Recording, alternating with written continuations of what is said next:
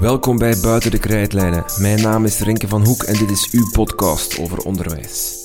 Een paar weken geleden kwamen de TIMSS-resultaten naar buiten, waaruit nog maar eens bleek dat ons onderwijs in dalende lijn gaat. Er worden dan altijd heel veel oorzaken gezocht en ook vaak gevonden. Eentje die af en toe naar boven komt is het gebruik van invulboeken in de klas.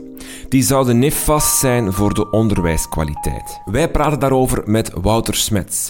Wouter is lerarenopleider voor het vak geschiedenis en hij is ook zelf auteur van een handboek geschiedenis. We praten over de voordelen en nadelen van werkboeken, de rol van de uitgeverijen en hoe een leerkracht moet omgaan met zo'n leerwerkboek. Wouter Smets.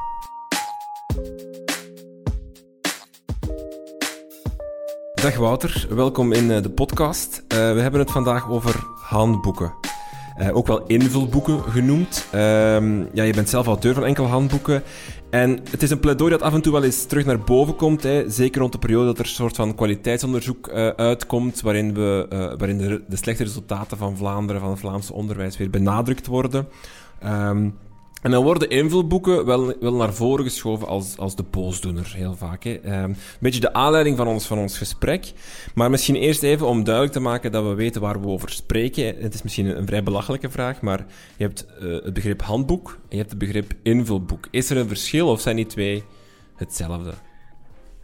Uh, er is zeker een verschil. Ik gebruik eerlijk gezegd zelf liever het woord leerwerkboek dan het woord invulboek. Uh, woord leerwerkboek zegt, uh, het woord invulboek klinkt alsof leerlingen alleen maar moeten invullen, terwijl met, uh, dan denk je aan lege vakjes waar dat een leerling een woord of een, uh, cijfer of zo moet invullen. Terwijl de leerwerkboeken, zoals ik ze opvat tenminste, en zoals ik ook wel alsmaar vaker zie verschijnen de afgelopen jaren, eigenlijk proberen um, creatievere oplossingen te bedenken dan alleen lege vakjes invullen. En dus dat, zijn dan combinatievragen bijvoorbeeld, waar dat er lijntjes moeten getrokken worden tussen bepaalde zaken. Markeringen in teksten worden aangebracht wanneer, waarin uh, zaken moeten omcirkeld worden uh, als meerkeuzevraag enzovoort. Dus je krijgt eigenlijk uh, een hele variatie aan mogelijkheden doordat je leerlingen toestaat om um, in het boek te tekenen of te schrijven. Um, en in die zin is het woord leerwerkboek denk ik een uh, uh, betere omschrijving of een nauwkeurige omschrijving dan een invulboek, omdat het niet alleen gaat over woordjes invullen, maar het eigenlijk over een variatie van opdrachten die je gaat uh, kunnen doen in, in een goed leerwerkboek. Ik denk ook dat dat de opdracht is van een goed leerwerkboek, van meer te doen dan alleen maar zaken invullen op proberen dat papier zo creatief mogelijk en zo leerrijk mogelijk proberen te, te, te, gebruiken voor je leerlingen. En als je dan met de vergelijking maakt natuurlijk met een, met een klassiek leerboek, ja, daarin mag je niet schrijven. Um, ik, ik spreek zelf meeste vanuit geschiedenis, omdat dat mijn vak is, maar doordat je in een klassiek leerwerkboek niet mag uh, aan tekeningen beginnen prutsen, beginnen schrijven, beginnen schrappen, beginnen markeren, um, zijn je didactische mogelijkheden wel een stuk beperkter, tenzij je natuurlijk aanvullend aan dat leerwerkboek uh, van dat leerboek uh, een ander document gaat maken, een werkbladje probeert te maken of zoiets waar je dat dan wel weer terug gaat, uh, gaat toestaan. Klopt het dat er, dat er effectief een verschuiving gebeurd is de voorbije tien jaar, neem nu, of, of 15 jaar, 20 jaar, van um, naar meer leerwerkboeken, naar meer die, die invulboeken te gebruiken? Uh, ik vind dat moeilijk in te schatten. Ik denk wel dat dat klopt, ja, maar ik, ik heb op dat vlak geen uh, zicht op de cijfers of zoiets. Ik zie alles niet dat ze heel vaak gebruikt worden. Uh, is dat ze zeer populair zijn bij leerkrachten, dat is wel zeker. Of het nu echt meer of minder is vroeger is, dat durf ik niet zo heel hard zeggen.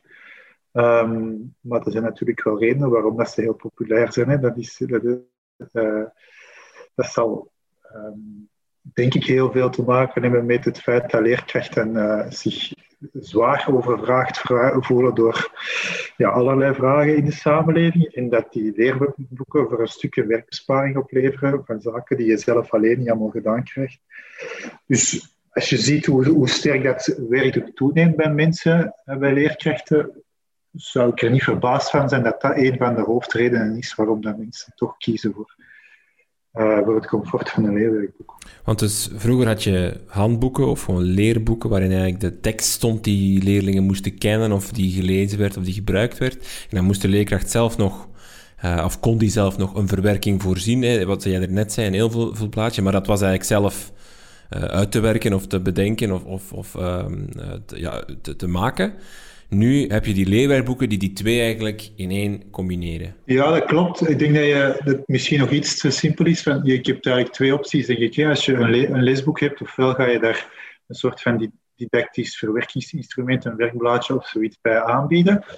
Um, wat zeker voor jonge leerlingen of voor hele moeilijke lesonderwerpen denk ik toch wel aangewezen is in de meeste gevallen. Maar het alternatief is natuurlijk, en daar wordt nu door mensen die zeggen van het niveau gaat achteruit, heel hard op gewezen. Van, een alternatief is natuurlijk dat leerlingen gewoon volledig zelfstandig noteren. Dat je niet alleen geen leerwerkboek gebruikt, maar ook geen verwerkingsblaadjes of geen, geen uh, werkbundel of zoiets inderdaad meer gaat ontwerpen en de leerlingen echt gewoon zelf zelfstandig noteren. Uh, ik vind dat op zich wel een heel interessante optie. Uh, alleen is de vraag of dat, in alle lessen noodzakelijk is of mogelijk is. Um, en voor alle leerlingen altijd mogelijk is. Um, ik, heb, lang in, van het derde tot het zesde les gegeven. Um, in het zesde had ik zeker in mijn ASO-klasse absoluut geen leerwerkboek nodig, omdat mijn leerlingen dan voldoende zelfstandig in staat waren om zaken die ik aan het vertellen was, of die we samen bespraken, of die door medeleerlingen geopperd werden in de klas, om daar zelfstandig notas bij te nemen. Um, met, met alle beste wil van de wereld, maar mijn leerlingen van derde middelbaar waren daar absoluut niet toe in staat. En als ik kijk in de vele klassen waar ik vandaag op stagebezoek kom, vandaag sta ik in de lerarenopleiding, um, daar zie ik toch heel veel klassen waar de leerlingen niet daartoe in staat zijn om, um, om een hele les nota te nemen. Dat wil niet zeggen dat leerlingen niet kunnen noteren, maar om dat een volledige les te doen, wat staan een volledig schooljaar lang te doen, dat is heel veel gevraagd. Dus daar moet je naartoe werken. Ik denk ook dat dat een, uh, fout is die sommige leerwerkboeken wel maken, om daar te weinig naartoe te werken. Um, maar om dan nu te zeggen dat, wat ik dan tegenargument ik dan soms hoor van je mag geen leerwerkboeken gebruiken, want dan leren ze niet noteren. Ja, ik zie eerlijk gezegd niet waarom dat je niet een leerwerkboek zou kunnen maken waar, waarmee leerlingen juist wel leren noteren, maar dan op een begeleide, gestructureerde manier daar naartoe werken en, en niet uh, alles overboord gooien en uh, alle structuur die, die die instrumenten wel bieden, zonder meer overboord gooien, dat lijkt me, lijkt me ik heb een aantal nadelen van, van uh, leerwerkboeken opgeleid en een aantal voordelen. Uh, dat, die zijn alle twee zeer ongenuanceerd. Uh, aan jou daar om de nuance aan te brengen. heb je een voorkeur met welke je wilt beginnen? Nee, Oké, de nadelen dan. leerwerkboeken of invulboeken zijn heel duur. Dat klopt. Um, duur is is uh, geen absoluut woord, denk ik. De vraag is hoeveel geld willen we eraan uitgeven, maar dat het, dat het duur is. Um, vanuit het perspectief van de ouders is dat zeker het geval, denk ik. Als, je, uh, als een leerling thuiskomt met uh, een schoolfactuur van 200, 250 euro voor schoolboeken, dat is een stevige kost. Als je drie leerlingen op school hebt zitten, of drie kinderen op school hebt zitten, ik heb zelf drie kinderen, ja, en die komen samen in september thuis met een factuur van drie keer 250 euro. Ja, dat is veel geld. Daar moeten we denk ik niet onnozel over doen. Uh, de vraag is of dat goed besteed geld is. En dan denk ik, uh, ik zie persoonlijk veel grotere dingen waarop we kunnen besparen dan op die leerwerkboeken. Um, ik kan je een voorbeeld geven. De school waar ik zelf altijd lesgegeven heb, daar, daar deden wij elk tenminste van derde tot zesde jaar, was, gingen die leerlingen elk jaar op een soort van schoolreis van vier, vijf dagen naar Parijs en Londen en weet ik wat nog allemaal. Het kostte 300 euro ongeveer om een paar dagen weg te zijn met die kinderen. Dat vind ik veel duurder in verhouding dan. Als je kijkt van je krijgt een heel jaar lang leercomfort uh, voor leraar en voor leerling. Um, in verhouding met een schoolreis, denk ik dat die schoolreis eigenlijk een veel duurdere investering is dan dat leerwerk. Wat maakt niet dat dat leerwerk per se een goede investering is? Want als dat leerwerkboek niet doet wat het moet doen, namelijk leerlingen ook beter leren brengen en die leerkracht voor een stukje een haalbare job geven, ja, dan is dat natuurlijk zijn geld niet waard. Dat spreekt voor zich. Maar een leerwerkboek dat zijn taken vervult, namelijk die twee die ik net zeg, als je dat goed doet, dan vind ik dat dat wel zijn geld waard is. De boeken die, die de, boeken die ik zelf maak, daar, vragen we 18 euro voor.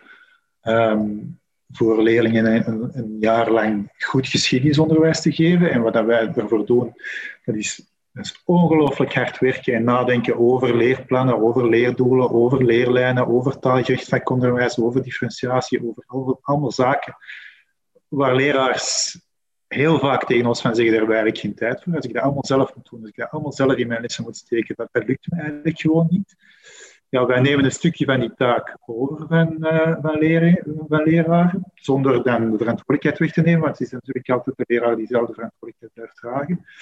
Maar denk, als je, als je dat goed doet, dan denk ik dat je daar ook wel iets van geld voor mag vragen. En dan is aan de school om te gaan kijken van hoe, hoe, hoe houden we die school toch haalbaar voor, voor ouders. Um, ik ben de eerste om te zeggen, slechte weer, leerwerkboeken gooien ze buiten. Um, en moet je maar kijken of je het zelf beter kan en goedkoper kan, dan wel of je iets anders op school wil vervangen. Dat was wel anders vroeger met de, de handboeken dan. Hè. Die, die kon je tweedehands, die konden doorgegeven worden, want er werd niet in geschreven. Dus je had een veel lagere kostprijs, een boek kon veel meer gebruikt worden. Nu, die lerarenboeken, dat is één jaar en dan moeten ze, ja, zijn ze ingevuld, dus dan kan je er niets meer mee doen. Um, is dat een argument om toch de optie handboeken beter te bekijken? Ah, zeker, tuurlijk. Ja, ja absoluut. En dan denk ik inderdaad dat je kan zeggen van als je het als dat leesboek dan inderdaad drie jaar of misschien zelfs vijf jaar meegaat, vijf jaar is denk ik zeer uitzonderlijk, maar drie jaar zou in principe wel kunnen. Um, en je slaagt erin om de, de kostprijs van kopies, want die komen er dan meestal toch bij. Hè, als je iets van wegblaadjes gaat beginnen maken, uh, als je de kostprijs dan uh, in de hand kan houden, dan, dan heb je het zeker goedkoper uh, georganiseerd, denk ik. Hè. Ik zie ook nu, de, er, is nu, er zijn allerlei dingen bezig rond digitale leerpaden beginnen maken en die ook beginnen delen. Dat kan misschien ook een vervanging voor die wegblaadjes beginnen worden stilaan. Dus misschien is dat ook wel iets waar we geld mee kunnen besparen. Ik ben zeer sociaal voelend, denk ik, dus ik ben de eerste om te zeggen, als we school goedkoper kunnen maken, heel graag hoor. Um, ja, ik vind de kwaliteit van wat je bijvoorbeeld op klassement vindt, of de kwaliteit van de werkblaadjes die ik door leerkrachten zelf ontworpen zie, met alle respect, maar die is eigenlijk nog ongelooflijk veel lager dan die zogenaamd allee, beperkte kwaliteit van leerwerk, waar dat mensen nu zo hard op spuwen. Ik denk de, de meeste dingen die mensen zelf ontwerpen, is dat nog lager, de kwaliteit. Dus dan moet je de vraag stellen van ja, als, als je dat allemaal overboord gooit, omwille van een prijsargument, zou het wel eens kunnen, denk ik, dat de kwaliteit er nog harder op gaat achteruit gaan dan, eh, dan, dan wat we vandaag zien. Maar dat is alleszins mijn bezorgdheid. Een beetje aanzetten bij dat financiële. Uh, die leerwerkboeken die worden gemaakt door, door commerciële instellingen die eigenlijk gewoon geld willen verdienen en er is geen enkel pedagogisch belang bij, bij zo'n uitgeverij. Een ongenuanceerde uitspraak. Breng nuance aan, Wouter. Ik denk dat dat niet zo ongenuanceerd is, maar ik denk ook niet dat er per se een tegenstelling is tussen commerciële belangen en pedagogische belangen. Want er is uh, geen enkele leerkracht die ze koopt omwille van, om er geld aan te kunnen uitgeven. De, de reden waarom de leerkrachten die kopen is omdat ze erin geloven dat ze de leerlingen mee um, dienst bewijzen. En ik denk dat dat nog veel meer geldt voor de, voor de auteurs die het schrijven. Dan spreek ik toch voor mezelf. Ik kan echt met de hand op het hart zeggen dat ik dat niet schrijf om er geld aan te verdienen. Um, ik steek daar belachelijk veel werk in, in verhouding. Als je nou zou tellen hoeveel, hoeveel dat ik daar per uur mee betaal, ik heb nog niet, nog niet uh, afgerekend eigenlijk hoeveel ik per uur daarmee verdien, maar dat is een beschamend bedrijf eigenlijk. Uh, dus de reden dat ik dat maak is niet om daar geld mee te verdienen, maar om de eenvoudige reden omdat ik echt geloof dat wat wij maken een meerwaarde is voor de leerlingen die, dat we, die we bereiken. Ik ben daar ook trots op, op de, op de zaken die we schrijven.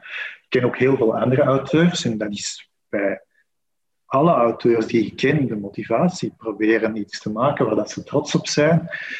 Een, een, boek in handen te kunnen hebben waar dat je als leerkracht fier op kunt zijn. Dat is de reden waarom dat wij die dingen maken. En aan de andere kant zit inderdaad een uitgeverij. En dat, dat zie je heel duidelijk, dat die anders werken als het onderwijs. Dat zijn bedrijven die geld willen verdienen, die dat marketingmachines hebben enzovoort. Uh, het enige wat ik ervan kan zeggen is, van, ik, ik, zou soms graag hebben dat ze ze proberen goedkoper aan te bieden.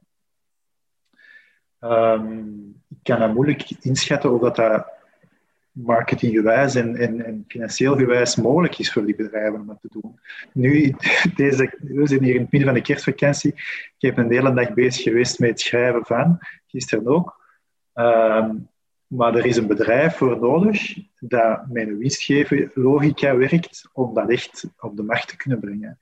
Als dat bedrijf er niet zou zijn, die die winstlogica niet zou hanteren, ja, dan zou er ook gewoon, dan zou dat werk ook niet kunnen bestaan. Want ik kan dat niet. Een zitter betalen of een layouter betalen of een een drukker of een, dat, dat soort, of staan, een, eh, een, commerciële boekvoorstelling beginnen te organiseren. Zo, dat, dat stuk dat, kunnen wij als schrijvers niet doen. En daar hebben wij die uitgeverij voor nodig. En ik heb nog nooit eigenlijk iemand gehoord dat een overtuigend argument heeft om te zeggen van uh, waarom die commercie zo nadelig zou zijn. En ik kan alleen maar zeggen, wat ik zie is gewoon mijn eigen uh, mijn eigen contact met de uitgeverij waar ik mee samenwerk. Ik, ik, ik ervaar, en mensen geloven dat soms niet, maar ik ervaar op geen enkele manier een druk om compromissen te sluiten.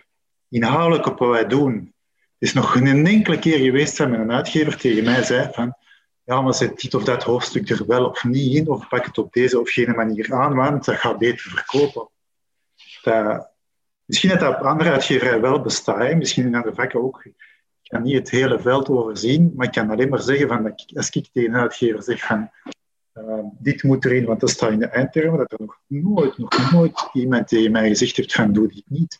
Het is natuurlijk wel zo dat wij soms een afweging maken en dat zijn zelf wij als auteurs van ja, wat gaan ons leerkrachten willen? Dat, dat, is, maar dat, is op zich denk ik een hele legitieme logica van te proberen iets te maken waar dat mensen graag mee werken.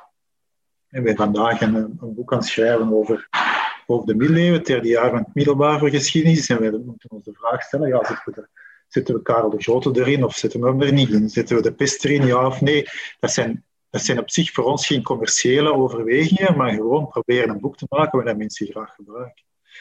Um, wat ik zelf ook al eens ervaren heb toen wij een werkboek moesten kiezen.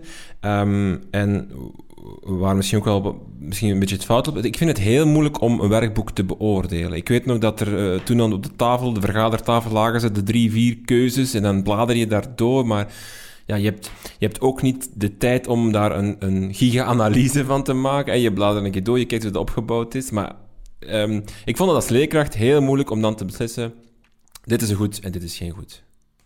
Ben ik daar alleen in? Of is dat inderdaad iets wat. Nee, nee, je bent er zeker niet alleen in. En ik, zal, ik kan het van de andere kant ook zeggen, ik vind dat soms heel frustrerend. Um, om een boek te moeten um, verkopen, als ik dat woord mag gebruiken, aan mensen die onze uitleg niet heftig gehoord hebben. Die bij wijze van spreken inderdaad alleen maar ons boek doorbladeren soms op 30 seconden ons boek doorbladeren. Daar kan ik alles niet de troeven van mijn, mijn boek niet mee uitspelen. Want ik probeer bijvoorbeeld daar een uh, heel doordachte leerlijn in te steken en heel hard op te bouwen, van het eerste tot het laatste hoofdstuk. Om heel hard lijnen te bedenken over taalgericht vakonderwijs bijvoorbeeld. Een van die grote kritieken op de invulboeken is dat we dat niet meer leren noteren of niet meer leren schrijven. En wij steken daar heel bewust lijnen in.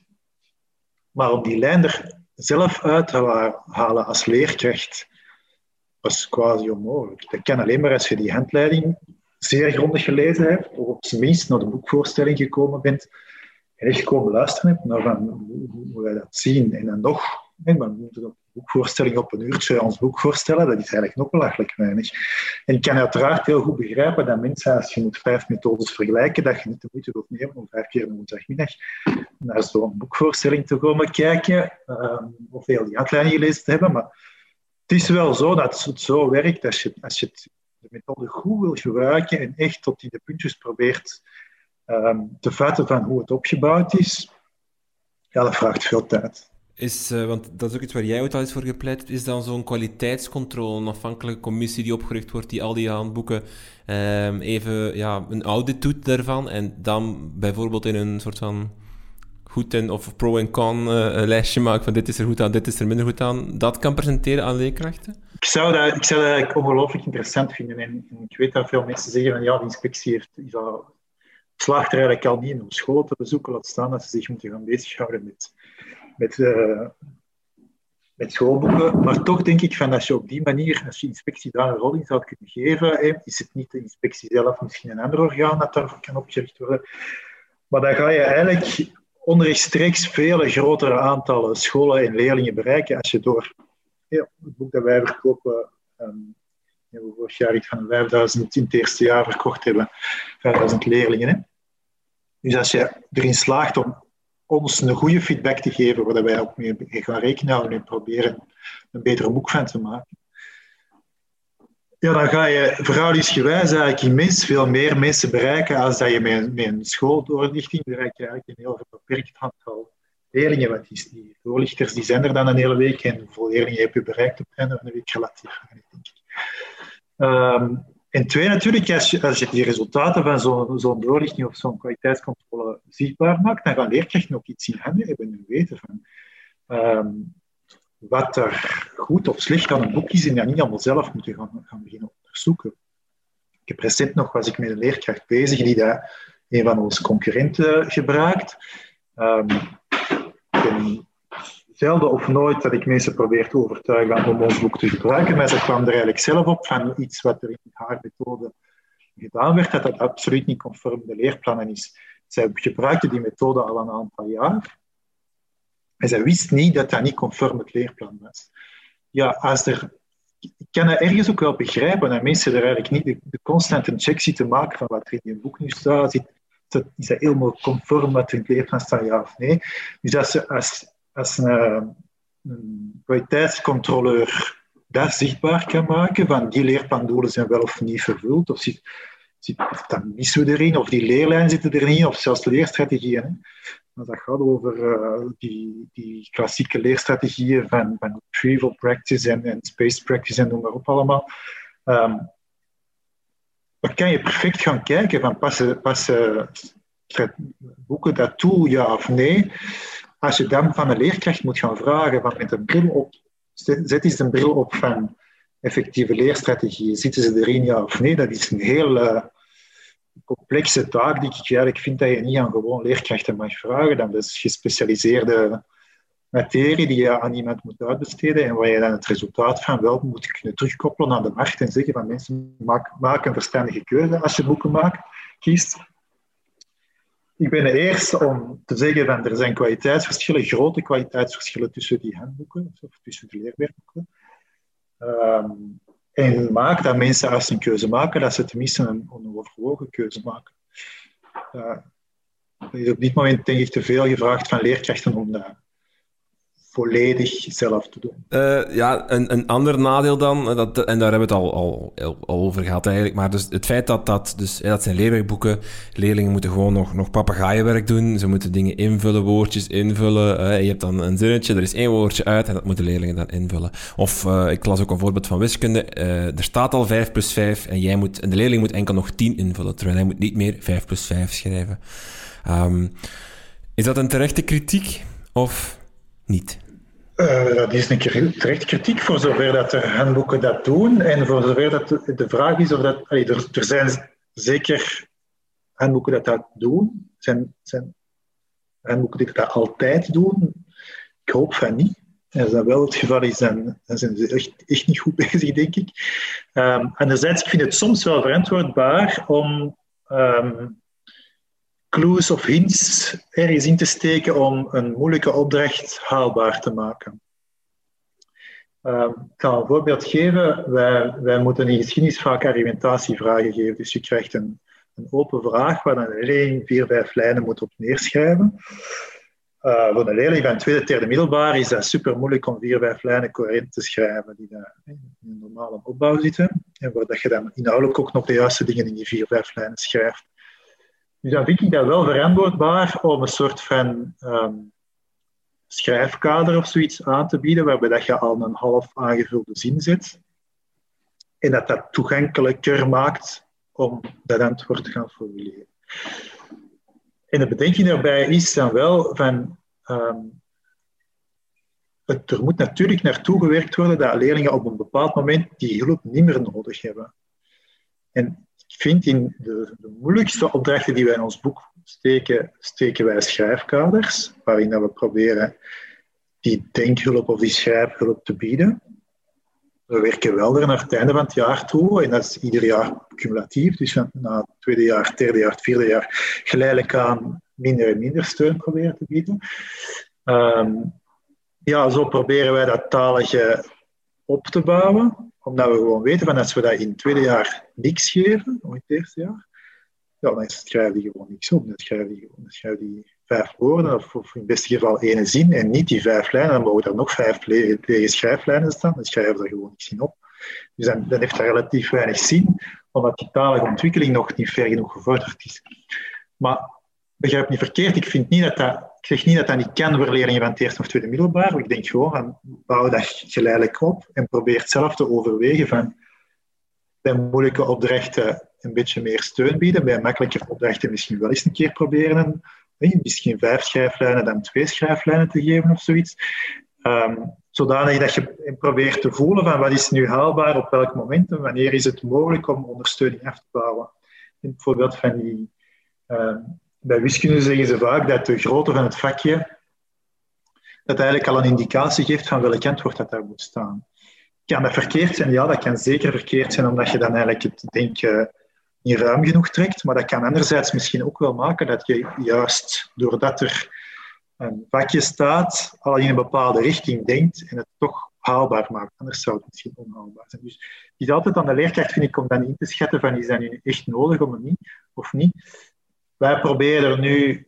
ik ben, vanmorgen nog in discussie geweest met mijn collega's over... Uh, we zijn een boek voor TSO aan het schrijven. Ik mag niet meer TSO zeggen, maar... Uh, hoe heet het? Uh, dubbele finaliteit. Uh, dat verhaal van die, van die schrijflijnen, van gaan, we, gaan, we, gaan we het aantal schrijflijnen volledig openlaten en zelf een antwoord laten schrijven, echt, of gaan we schrijfkader bieden? En we zijn nu aan het experimenteren met te proberen van te zoeken van kunnen we dat schrijfkader weglaten en dat schrijfkader enkel online bieden. Waardoor dat je dus in, in ons boek vijf lijnen hebt staan, maar iemand die dan met een QR-code of via het digitaal leerplatform of zoiets als schrijfkader aanbiedt, zodat je differentieert en zegt van, je bieden het wel als je het nodig hebt, maar we laten nu wel echt schrijven als je het niet nodig hebt. Dus dat zijn nu de mogelijkheden waarmee we aan het experimenteren zijn om dat toch um, een flexibele methode van te maken, die enerzijds probeert taal te stimuleren en anderzijds ook het niet onmogelijk complex te maken voor leerlingen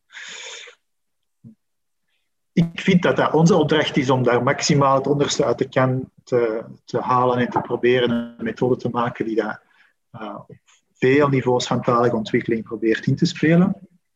En ik denk dat in principe een leerkracht dat ook zelf voor zijn eigen leerlingen zou kunnen inschatten. Maar ik merk wel dat voor veel leerkrachten dat compleet boven hun pitje is om uh, bij elke oefening schrijfkaders en zo te gaan te bedenken dat dan uh, misschien voor een taalleerkracht wel, maar voor, uh, voor geschiedenisleerkrachten alleszins is dat echt niet aan de orde bij de.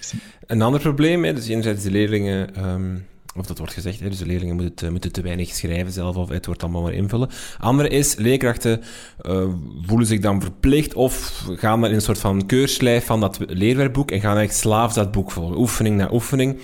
En het kritisch vermogen van de leerkracht of, de, de, of soms zelfs gewoon de, ding, eh, de, de, de mogelijkheid om iets te schrappen of om iets anders te doen, dat valt soms een beetje weg. Is dat iets wat jij ook ziet? Of, of, Ik zie dat zeker gebeuren, uh, absoluut ja. Ik zie dat regelmatig gebeuren. Ik vind dat God geklaagd dat mensen dat, die methode als een uh, slavendrijver ervaren. Dan denk ik van ja, je zit toch zelf gewoon baas in je eigen klas. Hoe kun je dat nu kan het eigenlijk niet goed begrijpen dat je dat zo aanvoelt. Als je het zo aanvoelt, dat doet er dan iets aan. Ofwel pak een andere methode, ofwel wijkt af van je boek. Maar er is toch niemand die zegt dat je dat van A tot Z moet doen. Het enige wat ik al wel soms gehoord heb, is dat er ouders klagen als er stukken van een leerwijboek niet ingevuld zijn. goed, ja, dat is natuurlijk ook niet... Allee, als je, ik neem aan dat dat er dan over gaat. Als je echt een helft van je leerwerkboek niet ingevuld hebt, dan moet je misschien de vraag stellen wat je echt nog wilt kopen volgend jaar. Hè. Maar het lijkt mij evident dat als je... Maar ook met gewoon methode, een gewone lesboek, hè, als je stukken daarin ziet staan die niet passen voor je leerlingen, die niet passen bij je leerplan, die daar te moeilijk of te makkelijk of te verkeerd of albollig of noem maar op zijn, ja, dan, dan gebruikt het toch gewoon niet. Ik niet goed waarom dat mensen zich daar... Maar wordt, worden leerwerkboeken wel gemaakt vanuit het idee dat... Vanuit het ideaal idee dan, dat een leerkracht dat, bij wijze van spreken, oefening per oefening gewoon kan volgen? Of is het eerder van, we, we voorzien oefeningen en dan snap je mijn vraag ergens van vanuit welke, vanuit welke geest worden leerwerkboeken gemaakt? En misschien dat ook verschilt per vak natuurlijk, hè, maar... Uh, ja, ik vind het opnieuw moeilijk om dat te veralgemenen naar alle leerwerkboeken natuurlijk. Maar ik kan, ik kan u voor mezelf zeggen, van, wat wij proberen te doen, is een boek maken waar wij vanzelf denken, daar hebben we, uh, dat is haalbaar voor, voor, een, uh, voor een leerkracht om dat op een jaar af te werken. Zonder dat daar 30% van die boek moet want anders is het weer papierverspilling of gewoon geldverspilling ook. Um, maar wij gaan er wel nog altijd vanuit dat er een leerkracht aan het stuur zit die dat ons handleiding leest en zegt van um, ga ik nu deze les doen of ga ik ze misschien toch overslagen omdat examens er bijvoorbeeld binnenkort aankomen of omdat er een schooluitstapje is is en er valt een les weg. Ja, je moet natuurlijk wel zelf aan het stuur zitten en wij proberen zeer transparant te maken van in, dit hoofdstuk of in deze, op dit blad gaan we aan dit leerdoel werken en dat staat in, een soort van kruisjestabel uh, waar het er nog allemaal aan dat leerdoel gewerkt wordt. Dus die is aan jou inschatten van goed, ik heb er eigenlijk nog eens aan gewerkt, dus misschien kan het deze keer weer wegvallen of het is vorige keer ook weggevallen, dus dit mag ik nu echt niet overslagen. We proberen ook heel transparant te maken van dit zijn uitbreidingsdoelen die dat je niet echt moet doen met het leerplan, maar wel leuke dingen om te doen met je leerlingen. En dat zijn dingen die echt wel tot de basisleerstof behoren. Als je dat transparant maakt als methode, dat vind ik ook wel de opdracht van de methode, om daar heel transparant in te zijn. Niet het leerboek zelf meestal, maar ik denk in de handleiding of eventueel uh, via digitale uh, leerplatformen proberen duidelijk te maken van um, zo werk je er volgens ons best mee. Ik ga er altijd wel van uit van op een bepaald moment is het ook aan jullie en moet je zelf ook wel proberen je eigen ding ermee te doen. Nog iets wat je af en toe misschien wel hoort, is de layout van zo'n uh, leerwerkboeken. Vaak heel kleurrijk, heel veel uh, tekeningetjes, afbeeldingen. Um, en dan wordt er wel eens gezegd dat is eigenlijk niet zo heel goed voor een leerling. Het is veel te veel afleiding, veel te veel... de dual coding, dat, moet, dat moet simpel zijn, tekst, beeld, niet meer. Uh, um, is dat iets wat waar is? Klopt dat? Ik denk dat dat zeker een valkuil is voor makers van leerwerkboeken, ja, absoluut. Um, ik heb wel het gevoel dat sinds dat verhaal van door coding zo wat uh, bekendheid begint te krijgen, dat is toch nog in 20 jaar, denk ik, um, dat ze zich er ook wel meer en meer bewust van zijn en proberen daar uh, voorzichtiger in te zijn. Ja, allee, tien jaar geleden zeiden ze dat alles motiverend moest zijn voor leerlingen. En dan probeerden ze daar toffe dingen in te steken en leuke, leuke instappen te hebben en zo. Dat is niet het schuld van makers, van, van, toch zeker niet de schuld van uitgevers, denk ik. Uh, hooguit de schuld van misschien een beetje naïeve schrijvers die dat goed hebben willen doen en er misschien wat in doorgeschoten zijn soms, dat denk ik wel. Dat zeker bij, bij het lager onderwijs, ik heb er wel een aantal voorbeelden van gezien, waar ik van denk, ja, misschien dat je daar toch echt wat overdreven hebt in, uh, in het vormgevende. Maar ik ga ervan uit dat dat de komende jaren ook wel gaat verminderen, omdat mensen de nadelen daar wel van voelen, ook wel terugkoppelen naar naar auteurs van, van het is veel te druk, uh, kunnen niks. Men gaat er soms aan uit, mensen die die boeken niet gebruiken, dat dat zoiets heel statisch is. Hè? Dat wordt gemaakt en dat wordt uh, op de markt gebracht en dan is het zo. Maar dat in, de praktijk is dat iets eigenlijk heel... Uh, er zit superveel feedback op. Wij krijgen eigenlijk wekelijks feedback van gebruikers van dat is niet juist, of dat moet anders, of dat, daar heb ik last van, of kun je dit dat nog niet toevoegen. Ja, en om, om de zoveel tijd komen er nieuwe versies. Dat is, dat is eigenlijk een hele korte cyclus altijd. Dus als er aan ons feedback komt van die afbeelding is storend of die afbeelding is niet functioneel genoeg, ja, dan zijn we, zou wel stoel zijn om daar niks mee te doen. Ja, het is, is ehm, interessant, het idee rond, die, rond die uitgeverijen. Die hebben op zich een commercieel model, maar dat, dat wordt ergens wel gebroken door het feit dat die leerkrachten niet commercieel zijn. Die kiezen niet het, het, het goedkoopste of het duurste boek, maar het, maar het beste boek waar het beste werkt. Dus het is ook wel interessant om als... Het is het meest interessant om als uitgeverij dus ook het beste pedagogische, didactische werkboek te hebben en niet het commercieelste boek. Ja, de vraag, de vraag is wat commercieel dan juist is natuurlijk. Hè? Er zitten wel sommige commerciële kantjes aan als er boekvoorstellingen gedaan worden, waarin dat dan... Uh... Stan van Saman komt optreden? Ja, bijvoorbeeld. Ja, je neemt me eigenlijk de woorden uit de mond. Maar uh, dat is natuurlijk een stuk van de commercie. Waar je, er zijn dus effectief blijkbaar mensen die dat, als er op een boekvoorstelling gratis cocktails worden aangeboden, dan wel naar de boekvoorstelling komen en anders niet. Dus dat is een gedeelte van, van de commercie wat dan, dat me de pas, dat, dat, dat begrijp ik eerlijk gezegd niet, dat dat dan juist werkt. Maar het is niet Stan van Samang die die werkboek gaat maken. Het is niet dat wat uiteindelijk... Het is niet... Ah, nee, natuurlijk niet. Dat is, dat is een manier om die mensen daar naartoe te lokken. Hè. En dan krijg je dan nog, nog, uh, nog een gratis boek dat er ergens in de, in de stokjes blijven liggen en als nog komen uitdelen en zo. Dat verkopen die mensen dan allemaal om te maken dat er mensen naartoe komen. Maar het echte product waar geld voor betaald wordt, ja, dat is wel een product waar de leerkrachten toch op gaan oordelen op pedagogische redenen en niet om.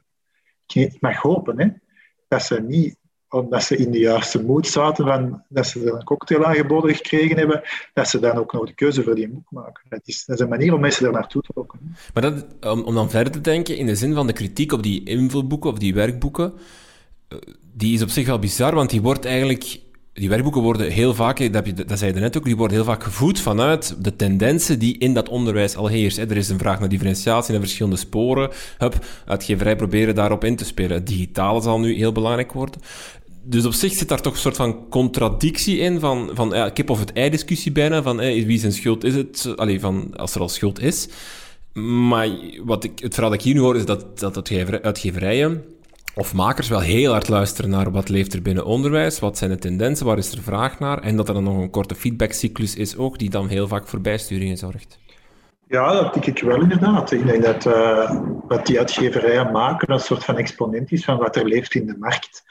En dat die soms, het is mij vaak al opgevallen, dat die veel beter aanvoelen wat er leeft in de markt dan wat dat bijvoorbeeld pedagogische adviseurs of pedagogische begeleiders aanvoelen die zitten denk ik soms veel meer met allerlei hypes in hun hoofd. Uh, als het rond M-decreet was bijvoorbeeld, of als het rond... Uh, ja, noem maar op eigenlijk. Nu, uh, nu, uh, nu moeten we heel erg bezig zijn met, met, met, taalontwikkeling blijkbaar. Hè. Dus dat is iets dat, dan in de media leeft. Pedagogische adviseurs denk ik ook wel oppikken. Ik denk dat die uitgeverijen beter dan de, mensen die erin zitten uh, doorhebben of dat leerkrachten dat echt belangrijk vinden of niet echt belangrijk vinden. En de dingen die de leerkrachten echt belangrijk vinden, daar gaan ze mee rekening houden. Of dat er altijd de juiste dingen zijn, dat denk ik natuurlijk niet. Hè? Want ik merk bijvoorbeeld, om een voorbeeld te geven, ik vind het superbelangrijk om de juiste, om de eindtermen in de leerplannen, om die echt, correct proberen te, toe te passen en heel goed te proberen te interpreteren. Ik merk dat onze leerkrachten, onze consumenten, onze klanten, eigenlijk relatief onbelangrijk vinden. Ik mag niet zeggen onbelangrijk, want er zijn ook echt wel een hoop die het wel belangrijk vinden, maar de, de groep ehm, die het echt belangrijk vindt, is relatief klein. En dat voelt mijn uitgever eigenlijk beter aan als mij. Van, denk niet omdat je een methode hebt die dat volledig 100% time proof is, dat je per se ook een methode gaat hebben die goed verkoopt. Dat is niet zo. Er zijn andere zaken die meespelen is die uitgeverij daarmee te commercieel? Op een bepaalde manier natuurlijk wel. Je kunt ook een, een, methode maken die de perfecte methode is, maar als die geen, geen, geen boek verkoopt, ja, dat is dan uiteindelijk eh, welke dienst dat dan aan het onderwijs verricht. Als je geen boeken verkoopt, heb je eigenlijk niet veel dienst verricht in het onderwijs. Dus dat is, dat is een constante evenwichtsoefening tussen wat, wat, wat willen wat willen wij graag doen? Hoe denken wij echt een meerwaarde te bieden? Waar, waar krijgen leerkrachten van overtuigd om daarin mee te stappen? En wat willen die leerkrachten juist? En op welke manier kunnen wij daar een antwoord op geven? Het heeft ook veel voordelen, hè? werken met een leerwerkboek. Uh, eentje ervan is dat je uh, werk op maat kan aanbieden aan je leerlingen. Uh, moet ik dat dan zien als ik heb 20 leerlingen, 5 die snappen het al, die kunnen naar oefening 2 gaan. andere 15 die snappen het nog niet, die blijven bij oefening 1. Uh, zo, dat, dat, dat, die oefeningen voorhanden zijn. Of dat ik kan zeggen tegen die vijf werk van oefening 1 tot en met 7, jullie kunnen het, ga maar. Uh, en de rest, wij werken samen stap voor stap. Um, ja, dat kan zeker een deel van het verhaal zijn. Het kan een ander deel van het verhaal kan zijn dat je sommige leerlingen aan het werk zet met goede oefenmateriaal, terwijl je andere leerlingen bij u pakt om het nog eens een keer uit te leggen, omdat ze het nog niet begrepen hadden. Uh, het kan ook zijn dat je op het moment dat jij op klas uitstapt moet, of naar een toneelvoorstelling moet, of moet gaan zwemmen met een klas, of ik weet niet wat, um, dat je dan toch je leerlingen nog op een zo'n manier aan het werk kunt houden. En dat wil niet zeggen dat je die volledig zelfstandig aan de slag laat gaan, maar dat je de les voordien en voorbereidt van kijk, ik kan een, een dag niet zijn, maar dat en dat en dat kunnen jullie wel doen, zonder dat je daar een hele avond een werkbundel aan het maken zijn die dat je anders, uh, misschien niet klaar zou krijgen, of misschien wel klaar zou krijgen, maar niet helemaal zou mooi passen in de leerlijnen die dat je wordt. Dus ja, dat is, dat is zeker een deel van het verhaal, maar wat ik wel belangrijk vind, en alsmaar belangrijker lijkt te worden, is dat uh, die methodes ook echt wel verder gaan dan alleen maar invoerboeken aanbieden. Die um, zijn ook in grote mate nu uh, digitale methodes aan het worden. Um, waardoor dat je, je ziet dat met Bingel heel hard in het lager onderwijs, dat die daar een heel elektronisch leerplatform op bieden, waarop de leerlingen thuis zelfstandig aan de slag kunnen gaan, oefenmateriaal, toetsmateriaal, um, reflectievragen, YouTube-filmpjes, noem maar op, dat je er allemaal op kunt filmen. Um, en dat vind ik toch wel een, uh, een ongelooflijk grote meerwaarde als je dat op een kwaliteitsvolle manier kunt aanbieden. Want ik denk niet dat het altijd even kwaliteitsvol wordt aangeboden. En ik denk ook dat dat nog in de kinderschoenen staat, dat we daar echt nog heel veel in te groeien hebben. Maar dat is toch iets aan de laatste tien jaar. Maar ik denk wel dat, dat, ze nu doorhebben van we moeten daar echt een soort van inhaalbeweging gaan doen. Leerkrachten verwachten dat.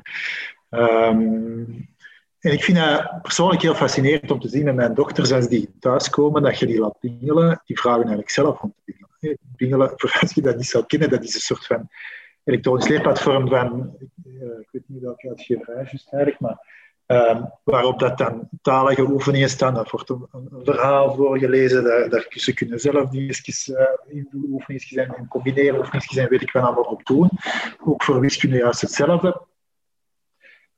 Zeg niet dat Bingo per se fantastisch is hoor, maar dat heeft blijkbaar toch een soort van uh, attractiviteit voor leerlingen om daarmee aan de slag te gaan thuis, die dat een klassieke papieren bundel minder heeft.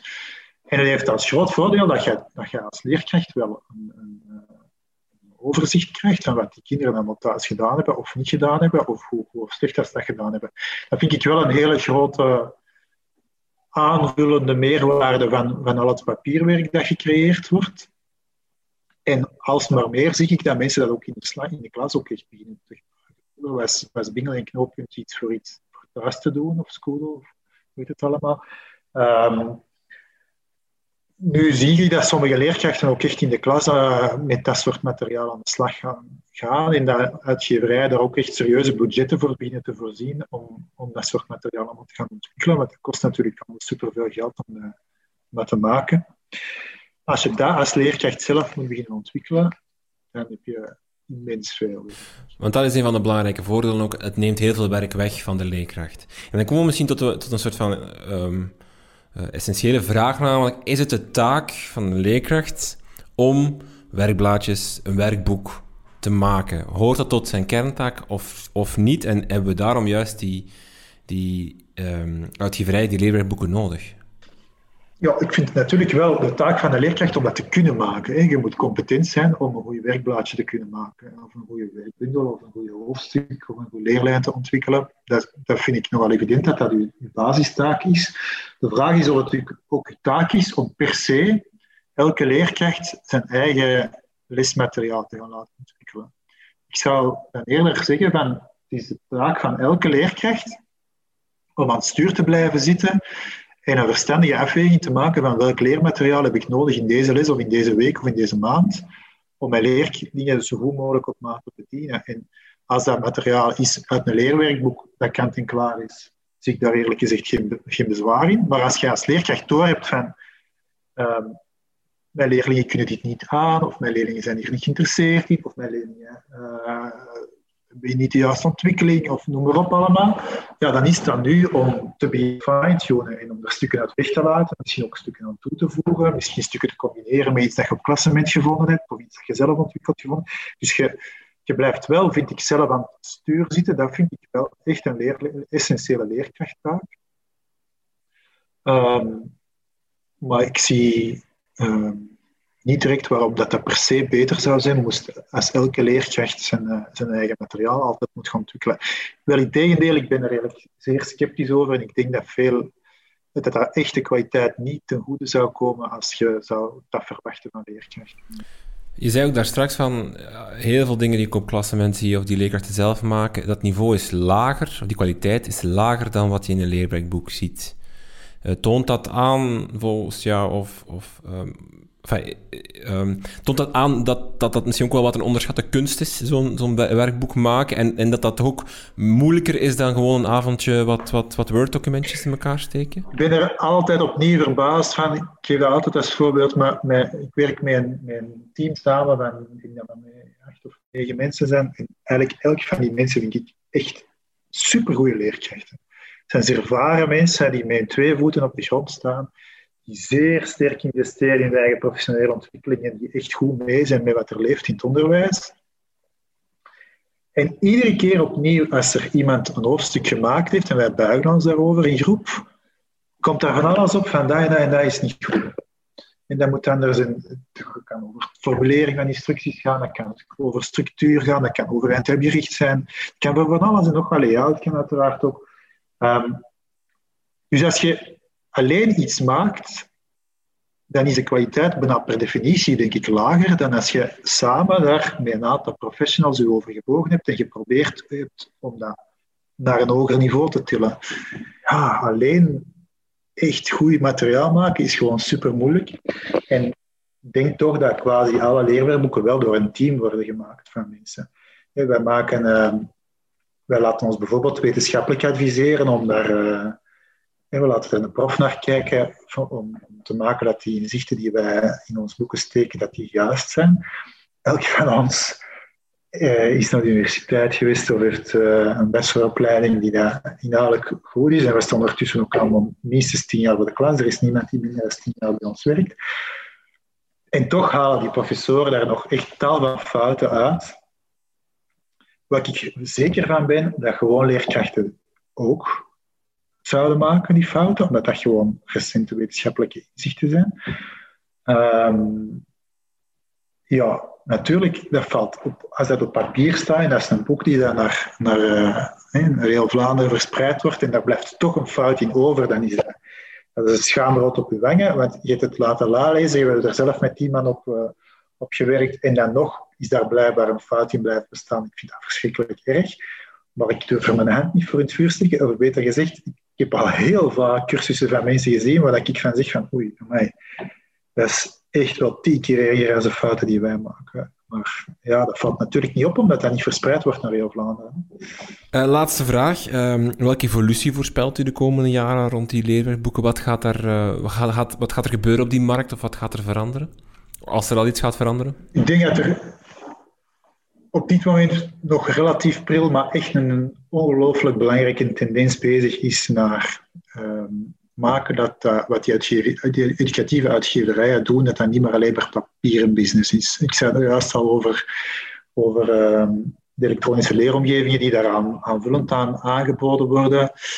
Um, ik denk dat we veel, veel, veel verder in gaan gaan. Als het nu is, dat je zeker tien jaar verder denkt, kan ook niet in detail zeggen van welke strategie dat wij daar achter de hand in hebben, maar ik kan wel zeggen dat we de komende twee, drie jaar naar buiten gaan komen met dingen waar we tonen van je hebt niet gewoon een boek te nemen of te laten, papier een boek te nemen of te laten, maar er gaan allerlei verschillende varianten mogelijk worden. Deels papier, deels digitaal, volledig digitaal. Ehm, deels een stuk printing on demand waarschijnlijk ook, van, dat je gaat kunnen zeggen van welke hoofdstukken dat je wel of niet wil hebben. En dus die flexibilisering gaat veel verder gaan.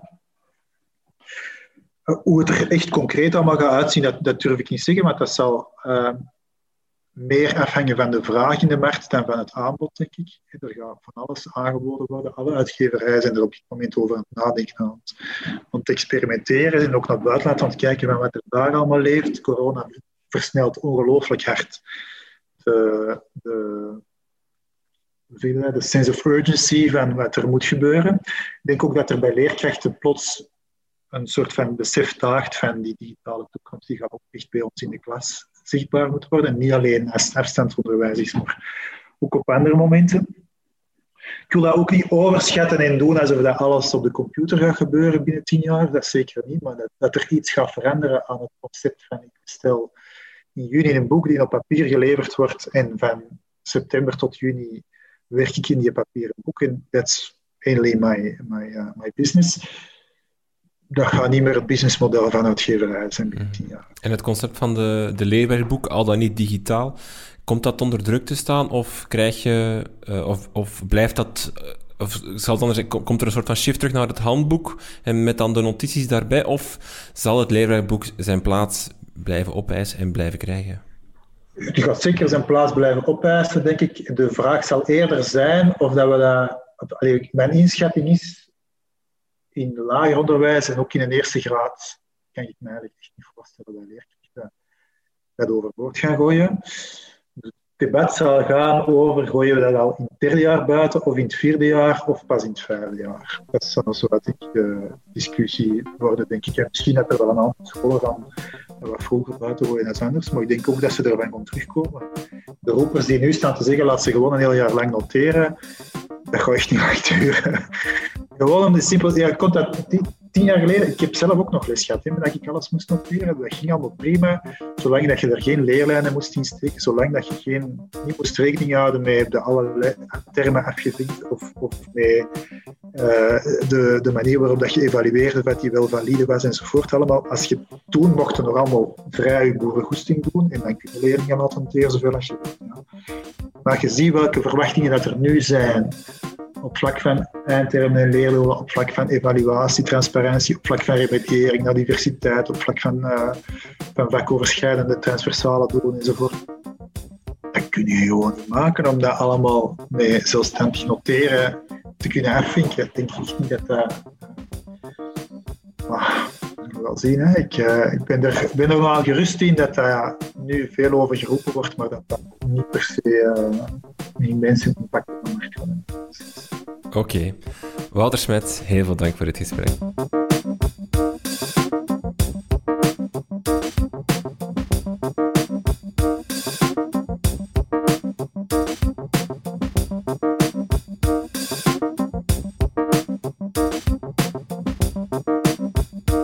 Dit was het weer voor deze aflevering. Meer info vind je op onze website www.krijtlijnen.be. Blijf op de hoogte van onze plannen en nieuwe afleveringen via Twitter, Facebook of Instagram. Ook u kan helpen om deze podcast beter te maken en te ondersteunen. Ook u kan helpen om deze podcast beter te maken en te ondersteunen. Dat doe je door vriend van de show te worden. Via onze website kan je vriend van de show worden en een donatie doen. Dat kan een eenmalige donatie zijn of ook op maandelijkse basis. Dan doneer je 2,5 euro per maand. Surf dus naar www.dekrijtlijnen.be en haal even die bankkaart boven en steun ons. Je krijgt dan ook toegang tot onze exclusieve Facebookgroep met de andere co-teachers. Daar bespreken we de afleveringen en kan je suggesties en feedback geven. Je kan ook een recensie achterlaten op iTunes of in de Apple Podcast app. Dat is altijd leuk voor ons om te lezen, maar ook zo help je anderen om de podcast te vinden. Dank voor het luisteren en tot de volgende.